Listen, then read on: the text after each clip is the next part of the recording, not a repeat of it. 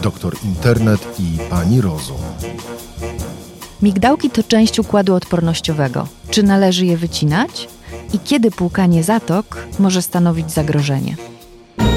Czy migdałki u dzieci trzeba wycinać, a może trzeba je pozostawić, dlatego że są siedliskiem naszej odporności? Pytamy profesora Piotra Skarżyńskiego z Instytutu Narządów Zmysłów w Kajetanach. Dzień dobry, witam Państwa bardzo serdecznie, witam Panią redaktor. Jeśli chodzi o migdałki, to podzieliłbym je na dwie grupy. Jeden to jest migdałek gardłowy, tak zwany trzeci migdał, który znajduje się w części nosowej gardła, w kolokwialnie mówiąc na końcu nosa, nie widzimy go. Oraz mamy dwa widoczne migdałki, są to migdałki podniebienne, które bardzo często podczas różnego rodzaju infekcji się powiększają dziecko otwierając usta, wtedy rodzic może widzieć, że są jakieś takie kalafiorowate twory, to są migdałki podniebienne. Jeśli chodzi o ten mit pod kątem naruszania układu odporności, nigdy u dzieci nie wycinamy migdałków podniebiennych w całości. No chyba, że są jakieś wskazania kardiologiczne, immunologiczne, ale zawsze się je przycina. Jest to zabieg nazywany tonsilotomią, który służy temu, żeby te migdałki pozostały w łukach podniebiennych, czyli moglibyśmy normalnie oddychać.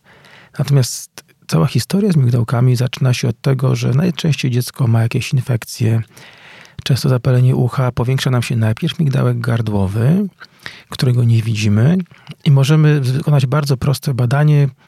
Po prostu dziecko mówi A albo E i wtedy patrzymy na taki języczek, który jest w ustach i, i na, na, końcu za językiem widzimy taki malutki języczek. Jeśli on idzie bardzo mocno do tyłu, to znaczy, że tam przeszkód nie ma. Natomiast jak podniebienie nam się nie rusza, to znaczy, że coś blokuje.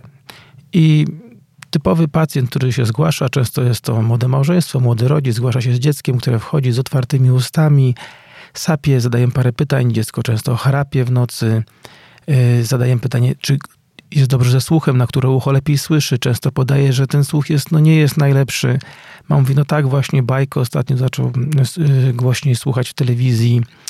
Y, nadstawia się na przykład jednym uchem do telewizora, czy niektóre dzieci no, przez telefon rozmawiają przez jedno ucho, a nie przez drugie, bo to jest im wygodniej. I wtedy należy powiązać i, u, i słuch, i migdałek gardłowy i podniebienny. Patrzymy, jak to wygląda i oczywiście są różnego rodzaju wytyczne, natomiast jeśli pacjent się zgłasza po pięciu infekcjach, z ewidentnym chrapaniem, czasami z bezdechami sennymi, jest to wskazanie do wycięcia tego migdałka, ponieważ możemy stosować różnego rodzaju terapię.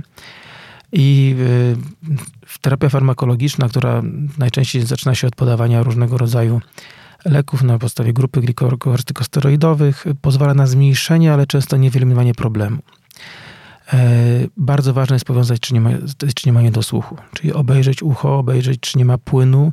Bardzo często ten płyn tam się znajduje, nie daje objawów ostrego zapalenia ucha środkowego. Zapalenie ucha środkowego charakteryzuje się takim przenikliwym bólem, które dziecko płacze, trzyma się za ucho, ono mówi boli uszko, tutaj coś jest najgorzej, jak jest jakiś wyciek i to jest ból, który jest nie do zniesienia. To od razu rodzic może skojarzyć i jeśli takie epizody nam się zdarzają, jest to wskazanie, żeby ten migdał gardłowy wyciąć. Dlaczego? Migdał gardłowy, e, jeśli jest powiększony, nie tylko upośle zator oddechowy, czy dziecko zaczyna oddychać bardziej przez usta, ale uciska ujścia trąbek słuchowych. Trąbki słuchowe łączą ucho jakby z gardłem. I w momencie jakiejś infekcji płyn, który się gromadzi w uchu, nie jest w stanie się wyewakuować. Jak nie jest się w stanie wyewakuować, na początku on może nie dawać jakichś dużych objawów, ale może powoli się powodować różnego rodzaju wzrosty, niedosłuch i najczęściej te zmiany są odwracalne. Czyli wykonując operację wycięcia migdała gardłowego, kontrolujemy ucho, wykonujemy delikatne nacięcie w błonej bębenkowej, sprawdzamy, czy jest tam płyn i jeśli jest ten płyn gęsty lub jest go dużo, to wtedy zakładamy taki dren. On wypada od kilku miesięcy do dwóch lat. Po takim wprowadzeniu y, daje to nam szansę, że ucho się będzie wentylowało prawidłowo oraz, że nie będzie dochodziło do dysfunkcji trąbki słuchowej. Bardzo często jak lecimy samolotem, na przykład mam problem, że nas ciśnie ucho. To jest właśnie niewydolność trąbki słuchowej, która najczęściej pojawia się podczas kataru, podczas infekcji, jak ktoś ma, ale jeśli osoba chodzi z taką infekcją, szczególnie dziecko przez pół roku, rok, a takie pacjenci się bardzo często zdarzają, to dochodzi do trwałej dysfunkcji trąbki słuchowej. Wtedy już leki nam nie pomogą.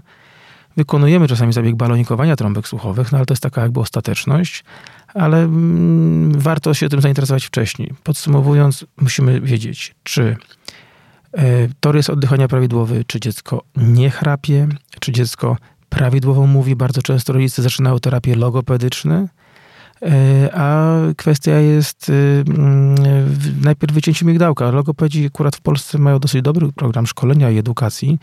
Sam zresztą mam wykłady i muszę przyznać, że wiedza osób, które studiują jest bardzo wysoka i często sami zwracają uwagę, że należy sprawdzić ten migdałek, trzeba sprawdzić wędzidło językowe, czy nie jest y, przypadkiem y, przyczyną upośledzenia mowy, bo taka osoba potem musi wykonywać dużo treningów, więc nie tylko jest oddychanie, nie tylko infekcje, ale także prawidłowa wymowa. To dziecko nie jest w stanie prawidłowo mówić. E, I takich pacjentów, akurat w kajetanach takich operacji, wycięcia migdałka, migdałków połączonych z drenażem uszu jest około 3000 rocznie. Tych pacjentów jest bardzo dużo, są regiony, w których akurat konsultuję i podczas jednego dnia potrafi przyjść kilkadziesiąt osób z takimi problemami, które zgłaszają się do lekarzy, mają różnego rodzaju terapie doraźne, które jak na pytanie, czy to może wyleczyć. Ja mówię, że w niektórej fazie to może pomóc, ale już nie wyleczyć. Możemy doprowadzić do zmniejszenia takiego migdałka i mamy dużą różnicę. Jeśli operujemy na przykład w sierpniu, w lipcu, kiedy osoby wyjadą nad morze, często jest na tyle dobrze, że Rodzice mówią, o fajnie, jest sympatycznie, nie, nie mamy infekcji, ale jeśli ten migdałek jest powiększony, pierwsza, druga infekcja we wrześniu, październiku powoduje, że ci pacjenci znowu się zgłaszają i znowu mają ten płyn w uszach, więc wtedy jest możliwość wykonania zabiegu o mniejszym zasięgu. Bardzo często nie trzeba wkładać, wprowadzać wtedy drenów do błony memenkowej, ale migdałki tak są do, do podcięcia podniebiennych, a do wycięcia gardłowych. Migdałek podniebienny który rzeczywiście wtedy nie mamy tego układu odporności, szczególnie w wieku mm, dzieci w wieku przedszkolnym jest istotny, wykonywane u osób dorosłych. Całkowite wycięcie migdałka związane jest z anginami. Jeśli ktoś ma ciągłe anginy, jest ich kilka w roku, na przykład pięć, gdzie wymaga nas antybiotykoterapia, lub mamy e, leczenie związane z e, kardiologicznymi schorzeniami, wtedy wycinamy, żeby one z kolei nie były źródłem takich infekcji, które mogą doprowadzić potem do dużo poważniejszych konsekwencji. A czy dużo jest ludzi, którzy mimo skierowania na taką operację przychodzą i mówią, że my wolelibyśmy jednak tego nie wycinać, bo pan nam wytnie, wytnie pan naszemu dziecku całą odporność? Tak, jest, jest pewna grupa osób, nie chciałem określić w procentach, na pewno jest kilkanaście procent osób. Ja wtedy wpiszę w y, opisie operacyjnym, że na przykład jest zgoda na wycięcie migdałka gardłowego, a brak na, wycięcie, na podcięcie migdałków podniebiennych. Wtedy piszę, że jest brak zgody. Zresztą miałem taką sytuację, że jedna z pacjentek na początku się nie zgadzała wyraźnie, a potem przyszła, powiedziała, że no powinienem to jednak zrobić. Ja mówię, no ale wyraziła pani ewidentny sprzeciw, nie chciała pani tego zrobić, nie robię nic przeciwko pani.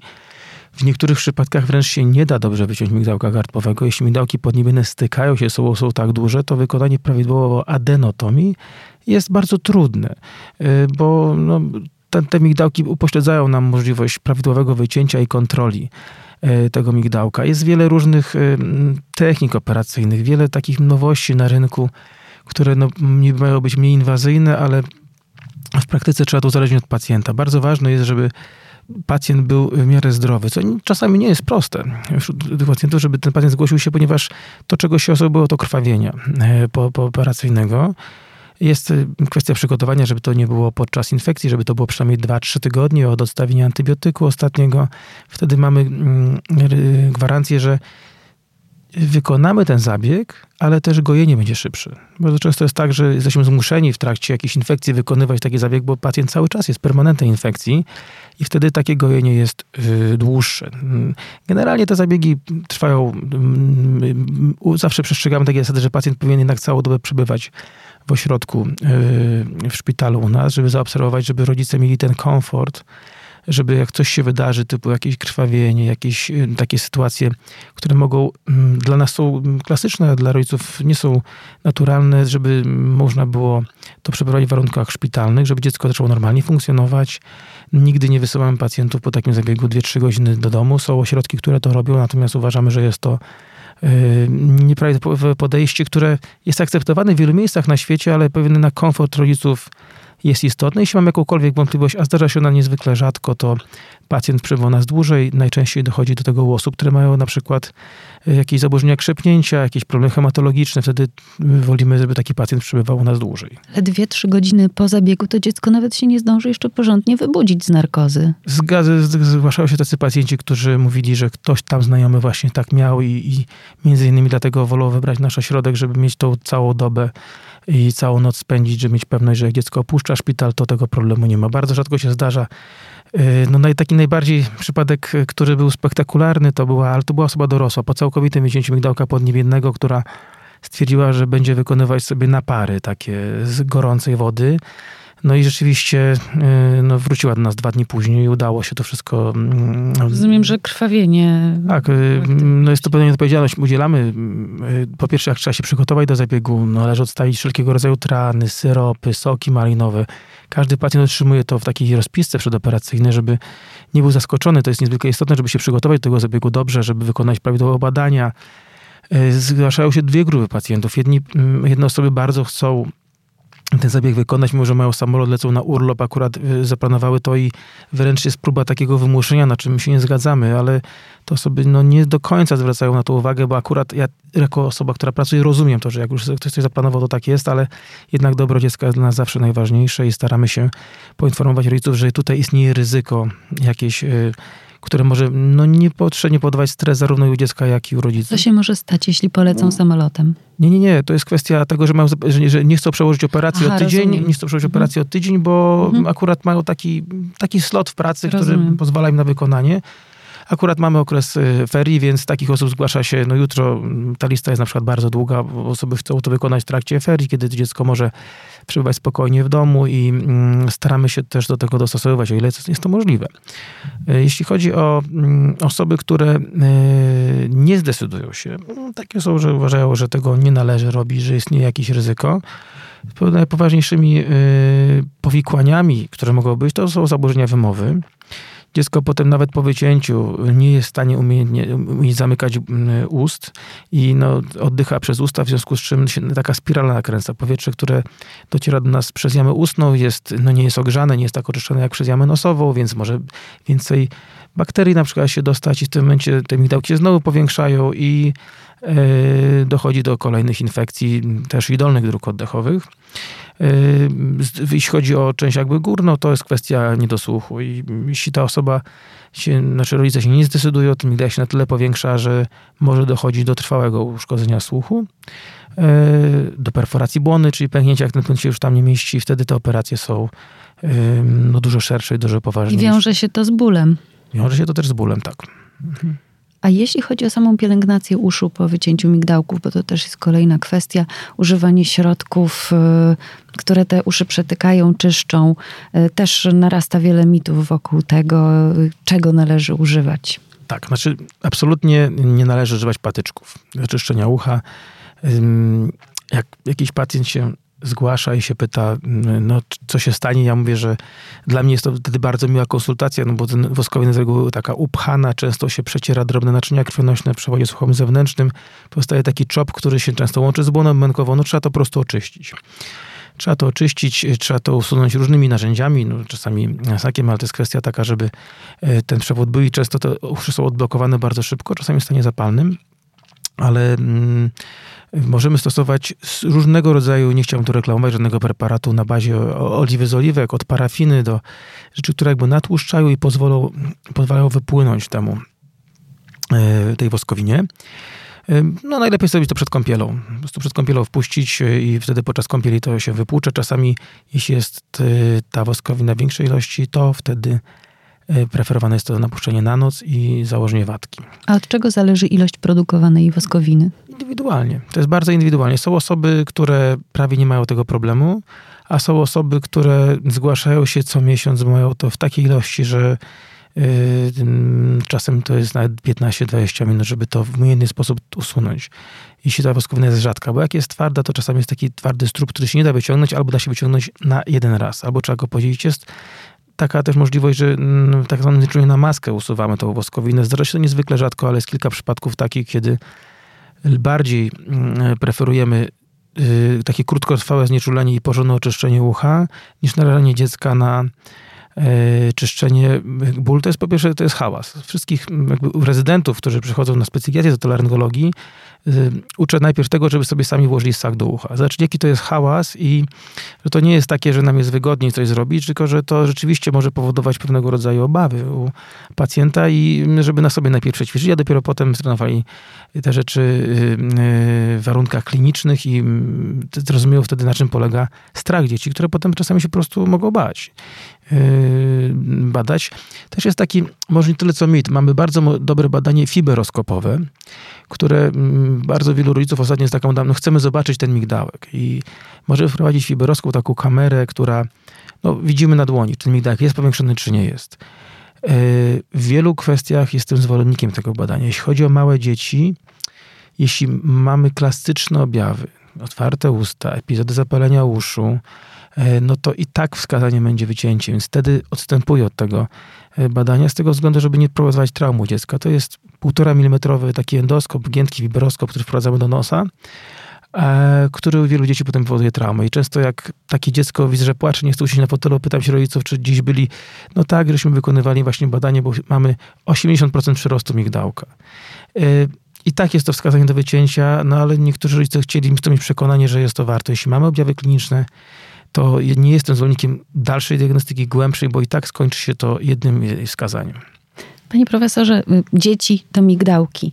Dorośli z kolei narzekają na problemy z zatokami. Jakbym miała tutaj policzyć w redakcji, to pewnie co piąta, połowa osób będzie miała jakieś problemy, czy miała problemy, czy dzisiaj e, narzeka na to, że bolą ją zatoki. Co się dzieje? Dlaczego Polacy tak bardzo cierpią z powodu bólu zatok i kiedy są wskazania do interwencji chirurgicznej?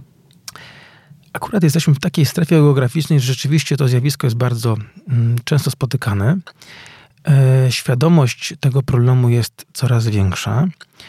Mm, postępowania są też różnorakie w zależności od doświadczenia osoby prowadzącej.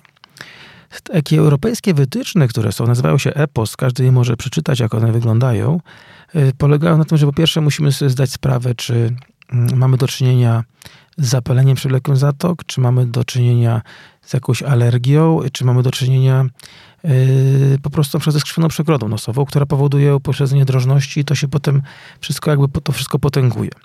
Zaczynamy, złotym standardem jest wykonanie tomografii komputerowej, ale nie od razu. Jeśli mamy objawy, o których mówimy, najpierw powinniśmy stosować przez minimum 3 miesiące leczenie steroidami nanosowymi.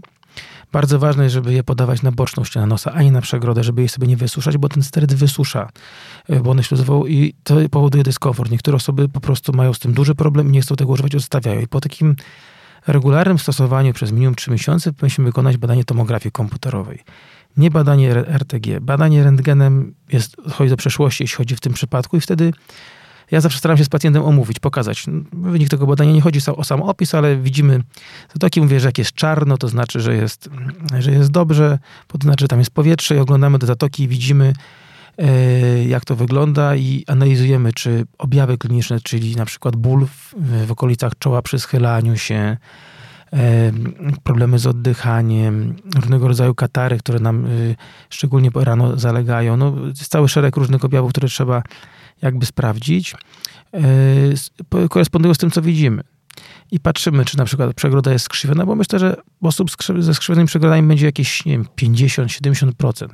Bardzo ważne, żeby sprawdzić, czy to ma implikację kliniczną. Czyli na przykład skrzywiona przegroda w postaci tego kolca wpływa na ujście zatoki szczękowej, czy na innych zatok, które mogą potem się, ta błona śluzowa może mm, być przerośnięta i powodować nagromadzenie płynu. Jeśli nie ma wpływu y, klinicznego ta skrzywiona przegroda, no to w tym momencie nie ma co jej operować dla zasady. Natomiast y, trzeba sprawdzić, jakie są małżowiny, czy nie są przerośnięte nosowe, wtedy wykonają zabieg konchoplastyki, ale najpierw... Małżowiny nosowe gdzie są? Jak wyglądają? W środku, mamy trzy małżowiny w środku, no jak badamy, e, oglądamy endoskopem nos, to mam takie trzy jakby, ciężko nazwać to fale, no takie małżowiny, które chronią, że nos nie jest y, jakby pusty, tylko to powietrze jest w stanie się oczyścić i ogrzać w przewodach nosowych. I zawsze sugerowane jest badanie endoskopowe, żeby jednak e, wykonać takie badanie, trzeba najpierw e, dokonać obkurczenia błony śluzowej, obkurczenia tych małżowin, oglądamy, czy, czy widzimy ujścia, czy są polipy, czy ich nie ma, jak to wygląda, bo zawsze będzie ulga dla pacjenta jakaś, ale potem trzeba zobaczyć, jak to wygląda dalej pod kątem tego, czego nie jesteśmy w stanie zobaczyć w badaniu. Czyli po trzech miesiącach wykonujemy badanie tomografii komputerowej i ewentualnie, jeśli mamy wątpliwości, to jeszcze trzy miesiące pacjenta prowadzimy na leczeniu takim yy, farmakologicznym. Możemy zastosować potem leczenie takie bardziej uderzeniowe, to są często, jest to steryt, jest to steryt z antybiotykiem. Yy, te wszystkie rzeczy są publicznie dostępne i można sobie o tym poczytać, natomiast pytanie jest, jak, jak widzimy klinicznie, jak to wygląda. W polskich warunkach często jeśli już czujemy, że pacjent może, może mm, potrzebować y, leczenia operacyjnego, no to wtedy można wystawić skierowanie na taki zabieg operacyjny, na przykład z informacją, że do, zakres zabiegu do oceny z wynikiem tomografii komputerowej. Y, w, w, zeszłym roku, pomiędzy świętami Bożego Narodzenia a Nowym Rokiem, no te wyceny zostały obniżone na operację Zatok. I y, ta procedura taka pełna rzeczywiście jest, wydaje mi się, że dosyć trudno dostępna a osoby, które na to cierpią, jest ich na tyle dużo, że te kolejki rzeczywiście zrobiły się bardzo odległe. Może wynika to też ze świadomości, ale też z ilości operacji wykonanych przez dane ośrodki. Jeśli spojrzymy w ogóle na otorynologię, to na świecie jest najwięcej renologów, czyli osób, które zajmują się jednak zatokami, a nie uszami, czyli ten problem jest jakby mm, powszechniejszy, ale też renologia w mojej prywatnej opinii jest łatwiejszą specjalnością niż leczenie uszu. Tam mamy pole operacyjne czasami milimetrowe, tutaj ono jest większe, natomiast postęp dokonał się ogromny. W tej chwili te operacje zatok są bezpieczniejsze, możemy wykonywać je przy pomocy endoskopów, mamy różnego rodzaju e, tak zwane shavery, które pozwalają precyzyjnie dokonać usunięcia e, elementów w jamie nosowej, które e, są źródłem zjawisk, zjawisk chorobotwórczych, ale też zapewnić nam większe bezpieczeństwo. Bardzo często operacje wykonywane są z nawigacją, to jest pewnego rodzaju standard przy takich trudniejszych zabiegach. Musimy pamiętać, że znajdujemy się blisko oczodołu. Y, jednym z powikłań może by, mogą być problemy ze wzrokiem, jak się, jeśli y, nieumiejętnie ta operacja będzie przeprowadzona, a, drugim, a drugą, y, drugim elementem są tętnice, które doprowadzają krew do mm, oczodołu i w tym momencie jest to zagrożenie, zagrożenie oślepnięciem minimalne, ale jednak istnieje, więc wykonywanie zabiegów z nawigacją jest pewnego rodzaju standardem u pacjentów, szczególnie z bardziej skomplikowanymi e, zapaleniami zatok, które są długotrwałe, które mm, są bardzo rozległe i tego staram się trzymać. Wtedy wykonujemy badanie tomografii i z tą tomografią wykonujemy zabieg operacyjny.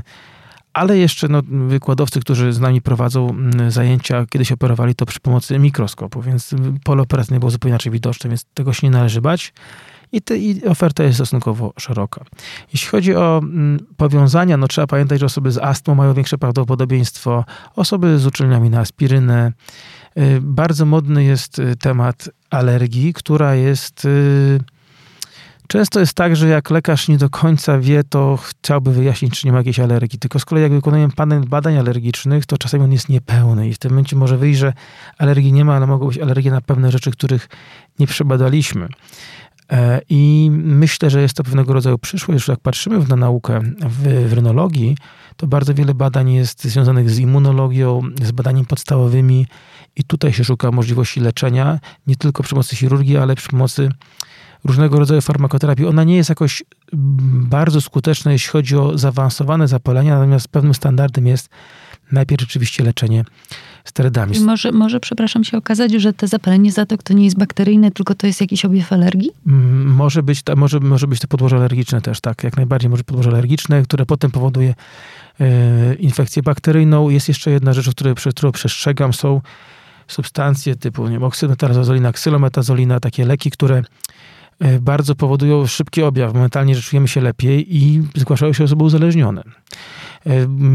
Do dzisiaj pamiętam taką panią bizneswoman, która się do mnie zgłosiła, która mówi, że ona znaczy bardzo prężna w biznesie i ja mówię, ale na czym polega problem? Pan sobie, ja tak mam w torebce mam ten psikacz, w łazience mam psikacz, w samochodzie mam ten psikacz. I mówię, to ile pani razy nie stosuje?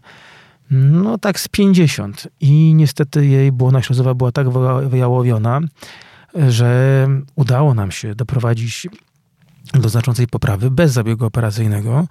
Natomiast y, to było uzależnienie. To było uzależnienie, że cały czas. Ktoś... Rozumiem, że nie behawioralne, tylko od substancji. Tak, znaczy no, no, robiliśmy tak, że ta osoba już nie potrafiła funkcjonować i, i, i y, nie ma takich publikacje, jakby, które powodują uzależnienie typowo od substancji, żeby to rozumieć, czy to jest behawioralne, czy, czy od leku. Natomiast no, była przyczyna do takiej sytuacji, że cały czas to tak działa, że bez tego środka nie była w stanie funkcjonować. Yy, Na przykład u dzieci te leki są wskazane i jeśli mamy jakąś infekcję, to rzeczywiście tylko yy, no, pani profesor Teresa Jackowska, która jest konsultantem krajowym, udzieliła bardzo ładnego wykładu na ten temat na jednej konferencji pediatrycznej, kiedy powiedziała, że okej, 3-4 dni jak najbardziej tak, ale nie więcej, nie miesiącami.